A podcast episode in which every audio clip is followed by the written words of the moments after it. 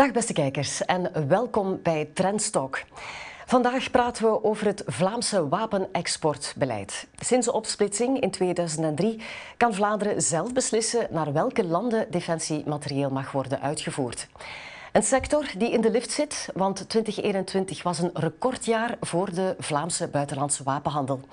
Mijn gast is Diederik Kops, onderzoeker bij het Vlaams Vredesinstituut, verbonden aan het Vlaams Parlement. Van harte welkom. Dank u wel. Um, misschien eerst beginnen met de taken, de rol van dat Vlaams Vredesinstituut. Kan je dat even ja. toelichten? Wel, het Vlaams Vredesinstituut is eigenlijk een, een, onafhankelijke onderzoeksinstelling verbonden aan het Vlaams parlement. Dus wij zijn een onderzoeksinstelling die ja, onderzoek doet naar een aantal vredesvraagstukken. Um, waar een belangrijke mate onderzoek wordt gedaan naar alles wat met, met wapenhandel en de controle op wapenhandel, binnenlands, buitenlands, legaal, illegaal wordt gevoerd. Maar we doen ook onderzoek naar, naar radicalisering, polarisering, herinneringseducatie, mhm. de rol van vrede. Dus dat is een belangrijke functie die, die wij hebben, dat onderzoek doen. Um, maar we hebben daarnaast ook een, een, raad van bestuur in ons, in ons instituut dat eigenlijk instaat voor het geven van de adviezen, laat ik zeggen, de aanbevelingen op basis van ons onderzoek.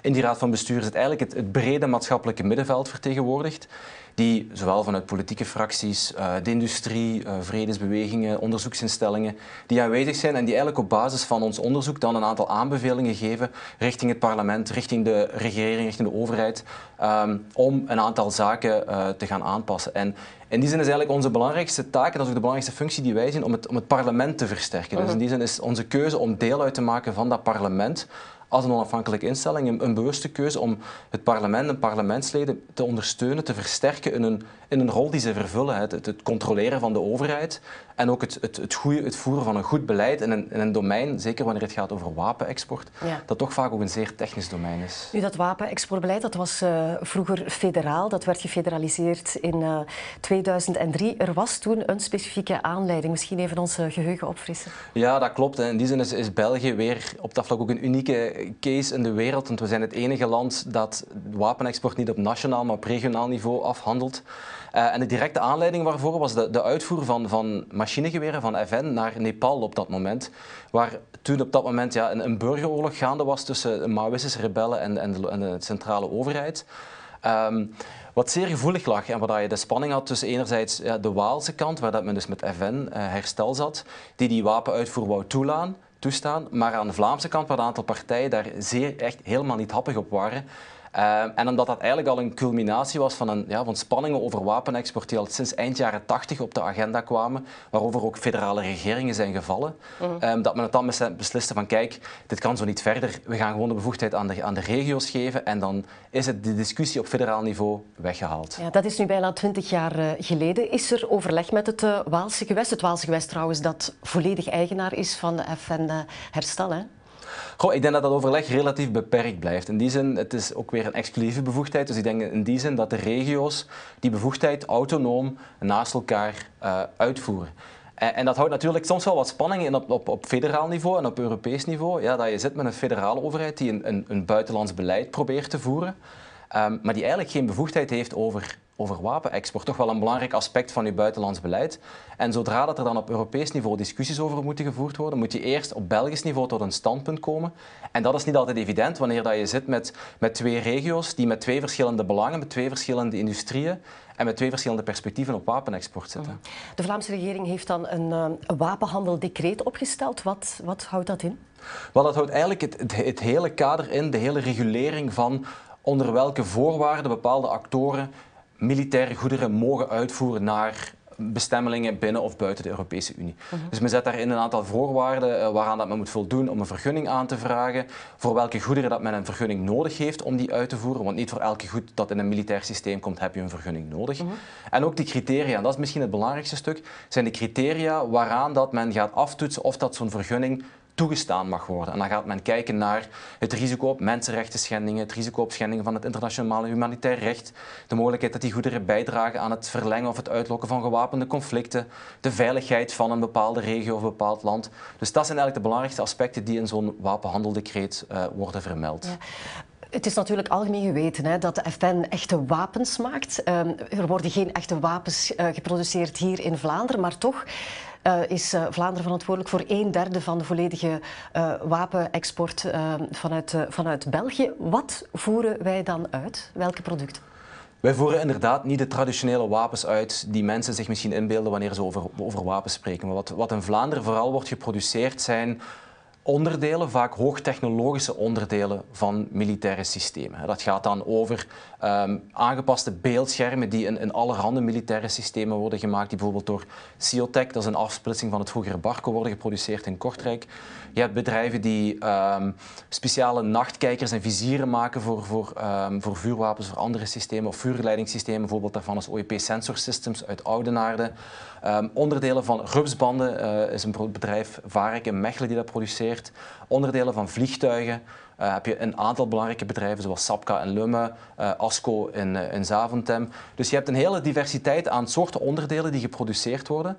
Vaak bedrijven die ook civiele goederen produceren, maar die daarnaast Dat is het juist. Ja. Er, is, er is een enorme grijze zone. Er wordt ook uitgevoerd, diezelfde onderdelen worden ook um, uitgevoerd naar partijen die het gewoon voor civiele doeleinden toepassen. Dus hoe, hoe kunnen jullie dat dan nagaan, in welke handen dat het dan terechtkomt?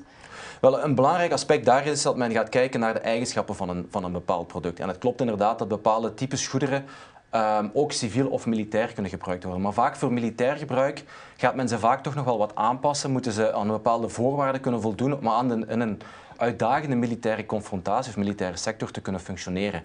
En dan zie je wel dat je op die controlelijsten, waarin dat die goederen opgelijst staan die gecontroleerd worden, dat daar wel wordt vermeld van kijk, dat goed is alleen vergunningsplichtig en wordt gecontroleerd wanneer dat het echt aan die specifieke vereisten gaat voldoen.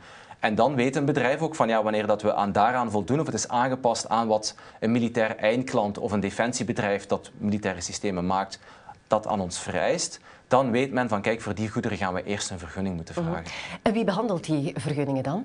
Wel, concreet is dat een, een, dienst binnen de Vlaamse overheid, dat is de dienstcontrole strategische goederen, die onder, het, uh, onder de bevoegdheid van uh, de minister-president, minister Jan Jan Bonvallen. Uh -huh. ja. Zeer recent hebben jullie een uh, rapport uh, uh, gepubliceerd over de Vlaamse buitenlandse wapenexport. Slaat op 2021. Ehm, als we dan zien naar de cijfers van dat jaar, dan, dan, zien we dat het een recordhoogte is. Hè. Het is verdrievoudigd ten opzichte van 2020, wat er uiteraard wel een coronajaar was. het was, zat op het niveau van 42 miljoen euro in 2020, gestegen naar 143 miljoen. Is, er nog een andere verklaring dan ten opzichte van corona? Want we zien ook pre-corona, we zitten hier zelfs nog boven.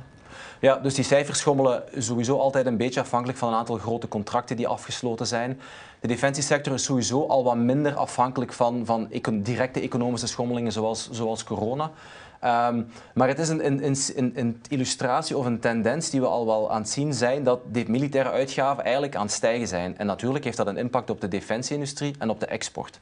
En we zien nu in 2021 inderdaad een, grote uh, waarde die hoger is dan de voorbije jaren. Die wijst op die groeiende populariteit. En als we kijken naar wat we nu al weten over wat er in 2022 uh, al tot nu toe vergund is, zitten we nu al met een waarde van, van bijna 500 miljoen euro vanuit Vlaanderen. Ja, want dit is natuurlijk ook nog voor de, de inval van Rusland in, uh, in Oekraïne.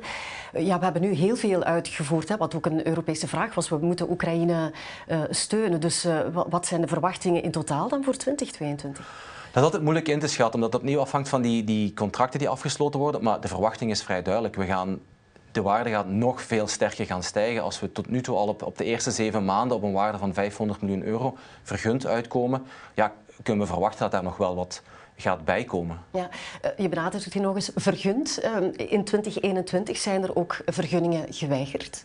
Ja, de geweigerd. Ja, de Vlaamse overheid eh, heeft twee vergunningen geweigerd. Eentje daarvan ging om onderdelen die via Spanje naar Marokko zouden gaan. Een ander ging over um, gepantserde uh, kledij, de beschermende kledij die naar Vietnam ging gaan. Omwille van, en Vlaanderen heeft daar nog eigenlijk wel een relatief streng beleid in, zeker ten aanzien van een aantal andere Europese lidstaten, uh, voor het risico op schendingen van mensenrechten. Uh, en we zien daarin dat, zoals ik zei, dat Vlaanderen daar wel iets verder gaat in zijn interpretatie om bepaalde vergunningen te weigeren wanneer dat er risico's zijn dat die gaan gebruikt worden om ernstige mensenrechten te gaan schenden. En naar welke landen voeren we uit?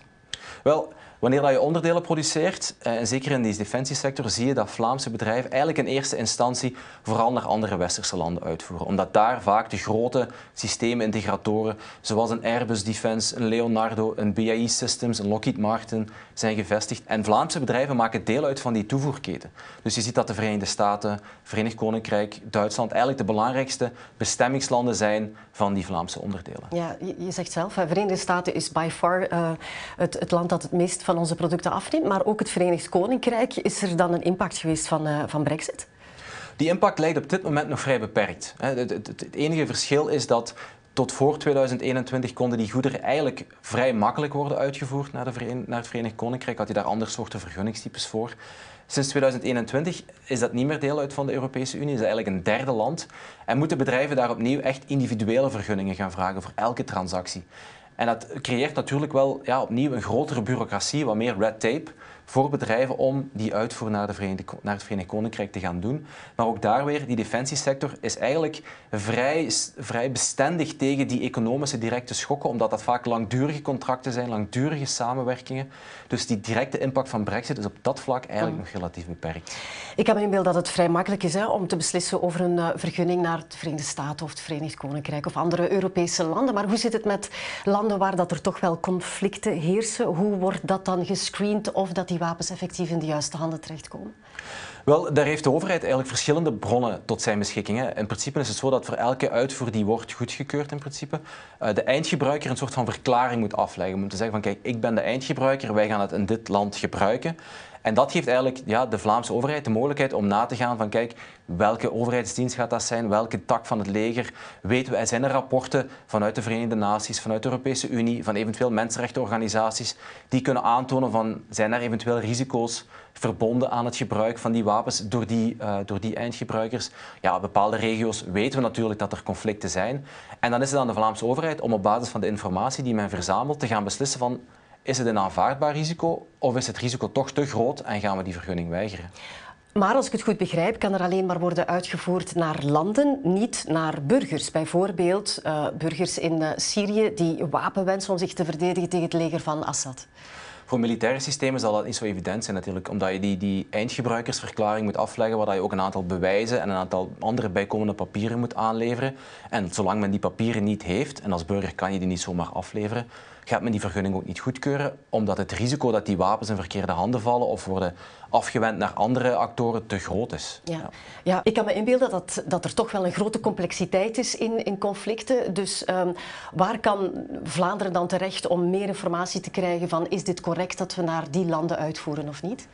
Daar kan men eigenlijk in eerste instantie bijvoorbeeld gaan werken met, laat ik zeggen, Belgische diplomatieke posten ter plaatse. Dat men dan informatie kan gaan verzamelen van wie is precies die eindgebruiker of dat bedrijf, kan je daar wel informatie over gaan verzamelen. Ook het netwerk van FIT zou daar eventueel kunnen voor gebruikt worden. Je zegt van kijk, we hebben die posten ter plaatse die daar die informatie kunnen gaan halen. Maar ook, ja, de Europese Unie heeft ook een heel diplomatiek netwerk, heeft, heeft intelligence, dus veiligheidsdiensten, intelligence services kunnen daar ook belangrijke informatie aanleveren, die allemaal kan gebruikt worden om, om dat ik zeg, de puzzel te leggen, om te kunnen een beeld te maken van wat is het risico uh, van die uitvoer. Want het is natuurlijk zo, eens dat je die goederen hebt uitgevoerd, is de controle ook grotendeels weg. Hè. Mhm. En ga je ze er heel moeilijk nog verder controle op overhouden. En het nadeel of het risico ook van wapens en militaire producten is dat die vrij duurzaam zijn. Eens dat iets is uitgevoerd, gaan die producten vaak decennia lang mee. En heb je daar natuurlijk geen, geen zicht meer op en ook geen controle meer op wat er uiteindelijk misschien tien jaar na de uitvoer mee gaat gebeuren. In welke mate bepaalt Europa wat dat lidstaten kunnen doen in uitvoer en wat ze niet mogen doen?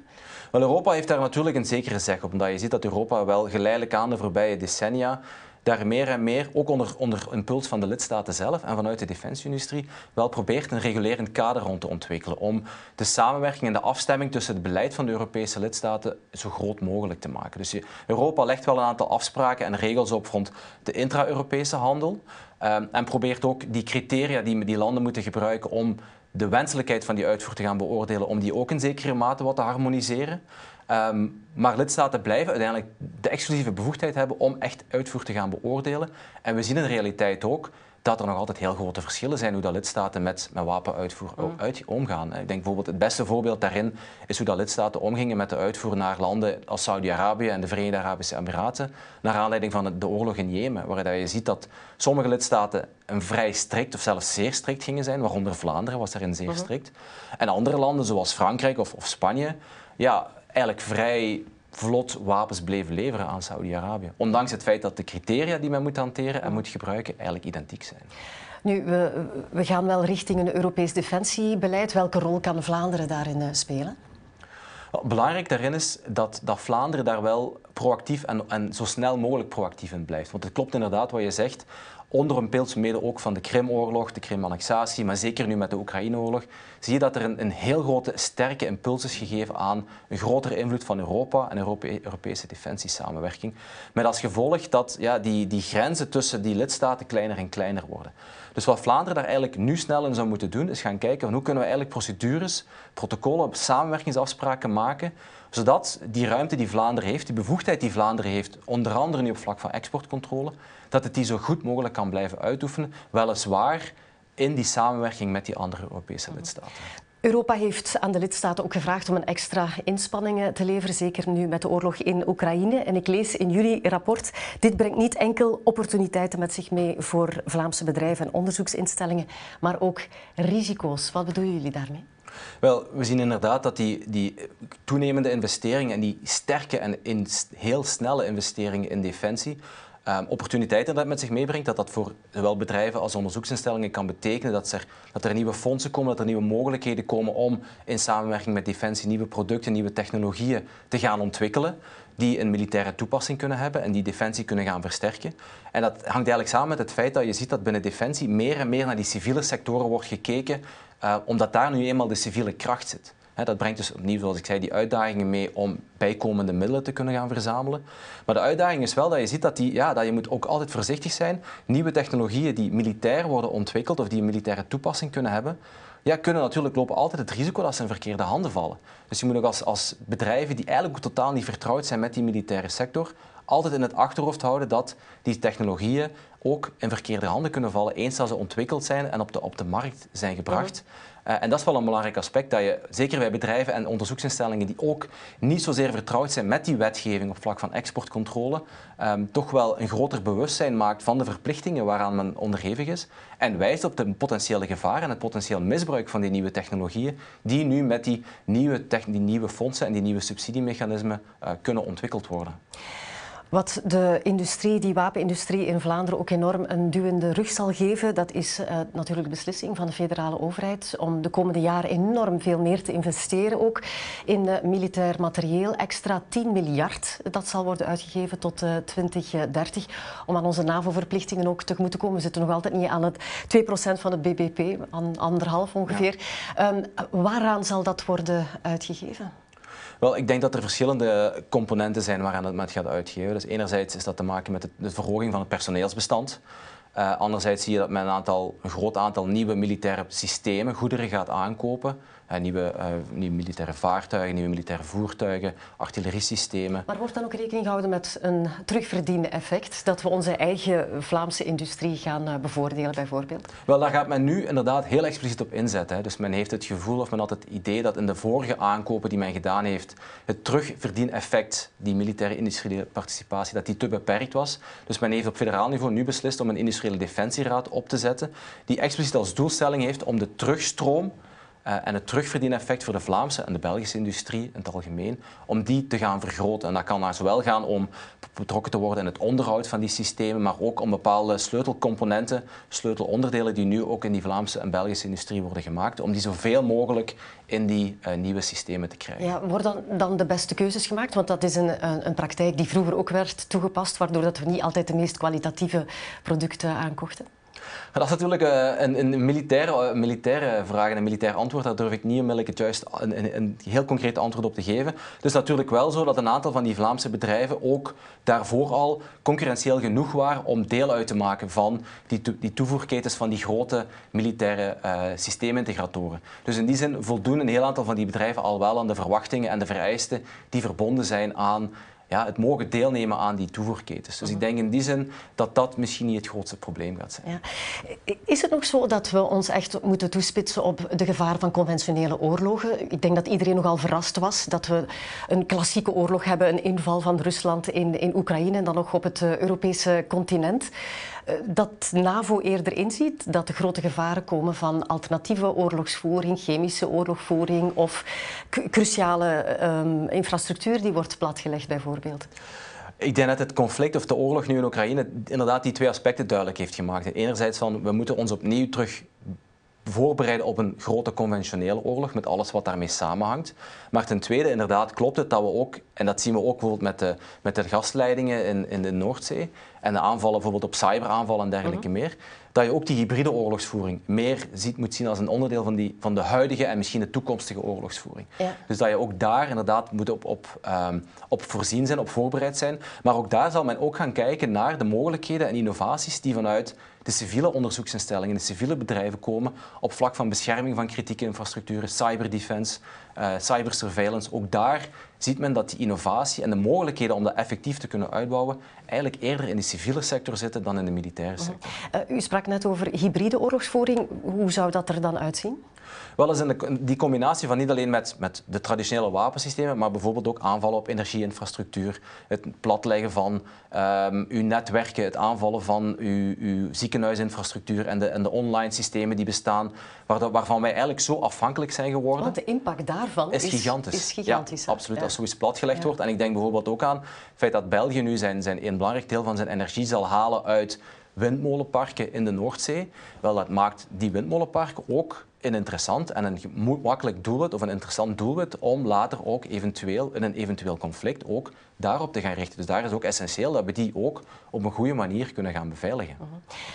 Daar wordt ook op ingezet, neem ik aan, dat we op, daarin investeren om die infrastructuur beter te kunnen beveiligen. Want de indruk wordt toch gewekt dat het vooral gaat over panzervoertuigen en over uh, defensiemateriaal, zoals we het kennen en zoals we daarnet ook een beetje op de foto's hebben gezien. Wordt daar meer in geïnvesteerd dan ook?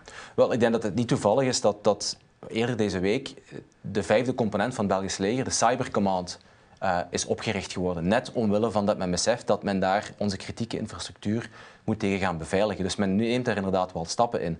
En men gaat daar ook heel bewust een aantal militaire programma's, militaire onderzoeks- en ontwikkelingsprogramma's opzetten om technologieën te ontwikkelen die net daarvoor ook weer uh, belangrijk kunnen zijn. Maar ook daar blijft eigenlijk diezelfde uitdaging van ja, het biedt opportuniteiten, maar het blijft ook weer uitdagingen. We gaan een aantal technologieën ontwikkelen die kunnen helpen om ja, systemen te gaan spioneren, om bepaalde cybersurveillance technieken te gaan uh, op ontwikkelen.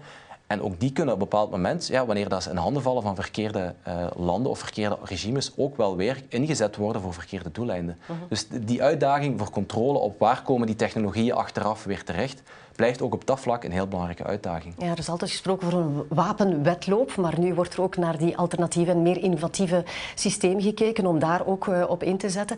Als we dan kijken naar de mondiale uitgaven van, uh, op militair vlak, dan zien we dat die nu op 2000 miljard uh, dollar uh, staat. We zien ook de oranje lijn, uh, dat zijn uitgaven voor de Verenigde Staten. De blauwe, de onderste lijn, is, is Europa met bijna 400 miljard.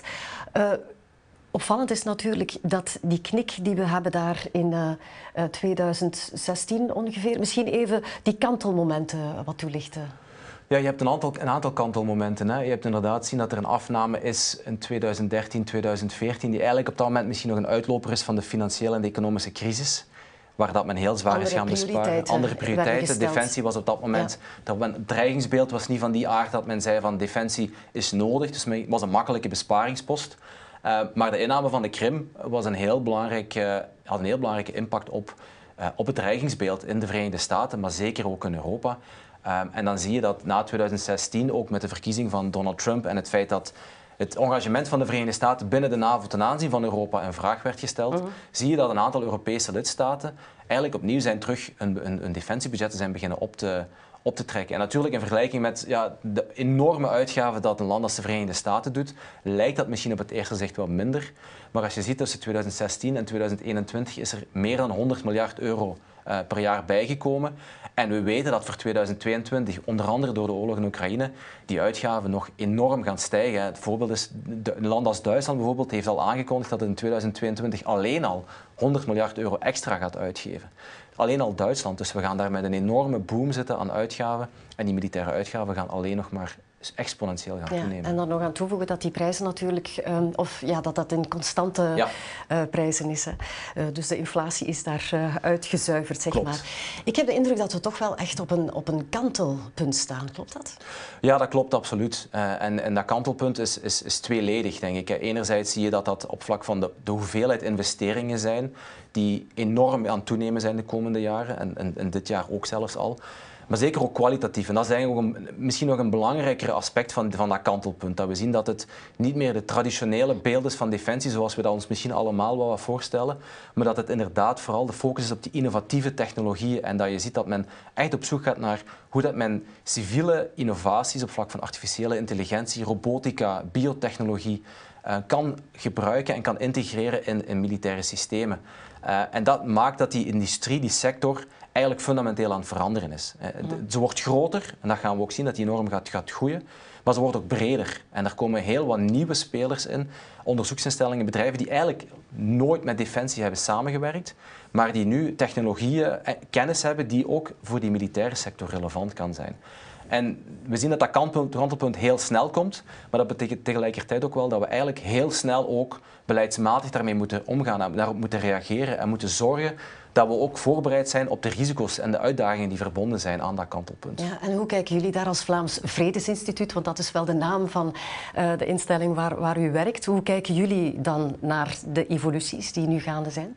Wel, voor ons is het eigenlijk vooral belangrijk dat er ook heel bewust aandacht gaat naar die bezorgdheden en die uitdagingen. En dat we echt zoveel mogelijk proberen te voorkomen dat die tendensen die er lopen, um, dat die, laten we zeggen, tot zekere ook mate verantwoordelijk lopen. Hè. Dat we zoveel mogelijk proberen te zorgen dat die technologieën die ontwikkeld worden, dat bedrijven, onderzoeksinstellingen, individuele onderzoekers bewust zijn van de risico's en van de misbruiken die verbonden kunnen zijn aan bepaalde technologieën. En dat we dat zoveel mogelijk kunnen meepakken in allerhande systemen en, en, en fondsen die ontwikkeld zijn. En in die zin denk ik dat het voor ons ook belangrijk is dat we zien dat België inderdaad heel veel investeert in defensie en daar ook heel veel civiele industrie en, en onderzoeksinstellingen willen betrekken. Wel, het is voor ons belangrijk dat ook de regio's die de bevoegdheid hebben op vlak van exportcontrolebeleid, op vlak van innovatie, op vlak van industrie, ook daarmee aan, tafel kunnen zitten om te zorgen dat ook hun beleidskeuzes, hun beleidsprioriteiten meegenomen kunnen worden en aandacht kunnen krijgen in de uitvoering van zo'n beleid. Ja. Wat misschien wel wat over het hoofd wordt gezien, is dat, want we hebben de hele tijd zitten praten over uh, wapen, wapenexport, um, de wapenindustrie. Maar wat het Vlaams Vredesinstituut ook doet, is een stem uitbrengen um, bij de kandidatuur van een, uh, het, het, uitreiken van een Nobelprijs. Uh, op wie hebben jullie dit jaar gestemd? Ja, dat klopt. We zijn als, als Vredesinstituut zijn wij een van de bevoorrechte partners die dat mogen doen. Uh, en dit jaar is onze stem, dus dat is de campagne van 2021, gegaan naar COVAX, dus het wereldwijde netwerk ter, om de, voor de billijke verdeling van de coronavaccins. Um, en hoe komen jullie dan tot uh, zo'n uh, genomineerde? Wel, formeel is het onze directeur die die stem mag uitbrengen, maar wij hebben er eigenlijk bewust voor gekozen om dat niet vanuit het Ivoren Toren, vanuit het Vredesinstituut te laten doen, maar wij kiezen er eigenlijk bewust voor om daar een traject op te zetten met, met, met leerlingen uit secundaire scholen. Uh, omdat we op die manier eigenlijk proberen om de idee van vrede en het belang van vrede um, ook te verspreiden in, in, laat ik zeggen, de brede samenleving. Dus leerlingen gaan eerst zelf in de klas, krijgen zij een educatief pa pakket waarmee we, dat we aan, het ontwikkelen zijn. Um, waarmee ze dus kunnen discussiëren onderling met een soort van genomineerde lijst komen. En daarna nodigen we hen uit in het Vlaams parlement, als parlement toch de bakermat van de democratie, om dan een discussie te hebben en samen onder consensus te komen tot um, één nominatie die wij dan als Vredesinstituut um, nomineren en naar voordragen bij het uh, Comité voor de Nobelprijs voor de Vrede. Ja, COVAX heeft het niet gehaald, maar wellicht toch tevreden met de, de mensenrechtenactivisten die het wel gehaald hebben. Hè? Ja, ja, absoluut. Ja. absoluut. Oké. Okay. Ja. Kops, ik wil u heel erg bedanken voor dit uh, fijne gesprek. Dank heel graag gedaan. Volgende week in Trendstalk blijven we bij het militaire thema. Jan de Meulemeester heeft Alexander Mattelaar te gast, professor internationale veiligheid aan de VUB. In gesprekken over internationale veiligheid, de rol van de NAVO en zoveel meer. En hopelijk bent u dan ook weer van de partij. Dank wel voor het kijken of het luisteren. Ik wens u nog een fijne dag.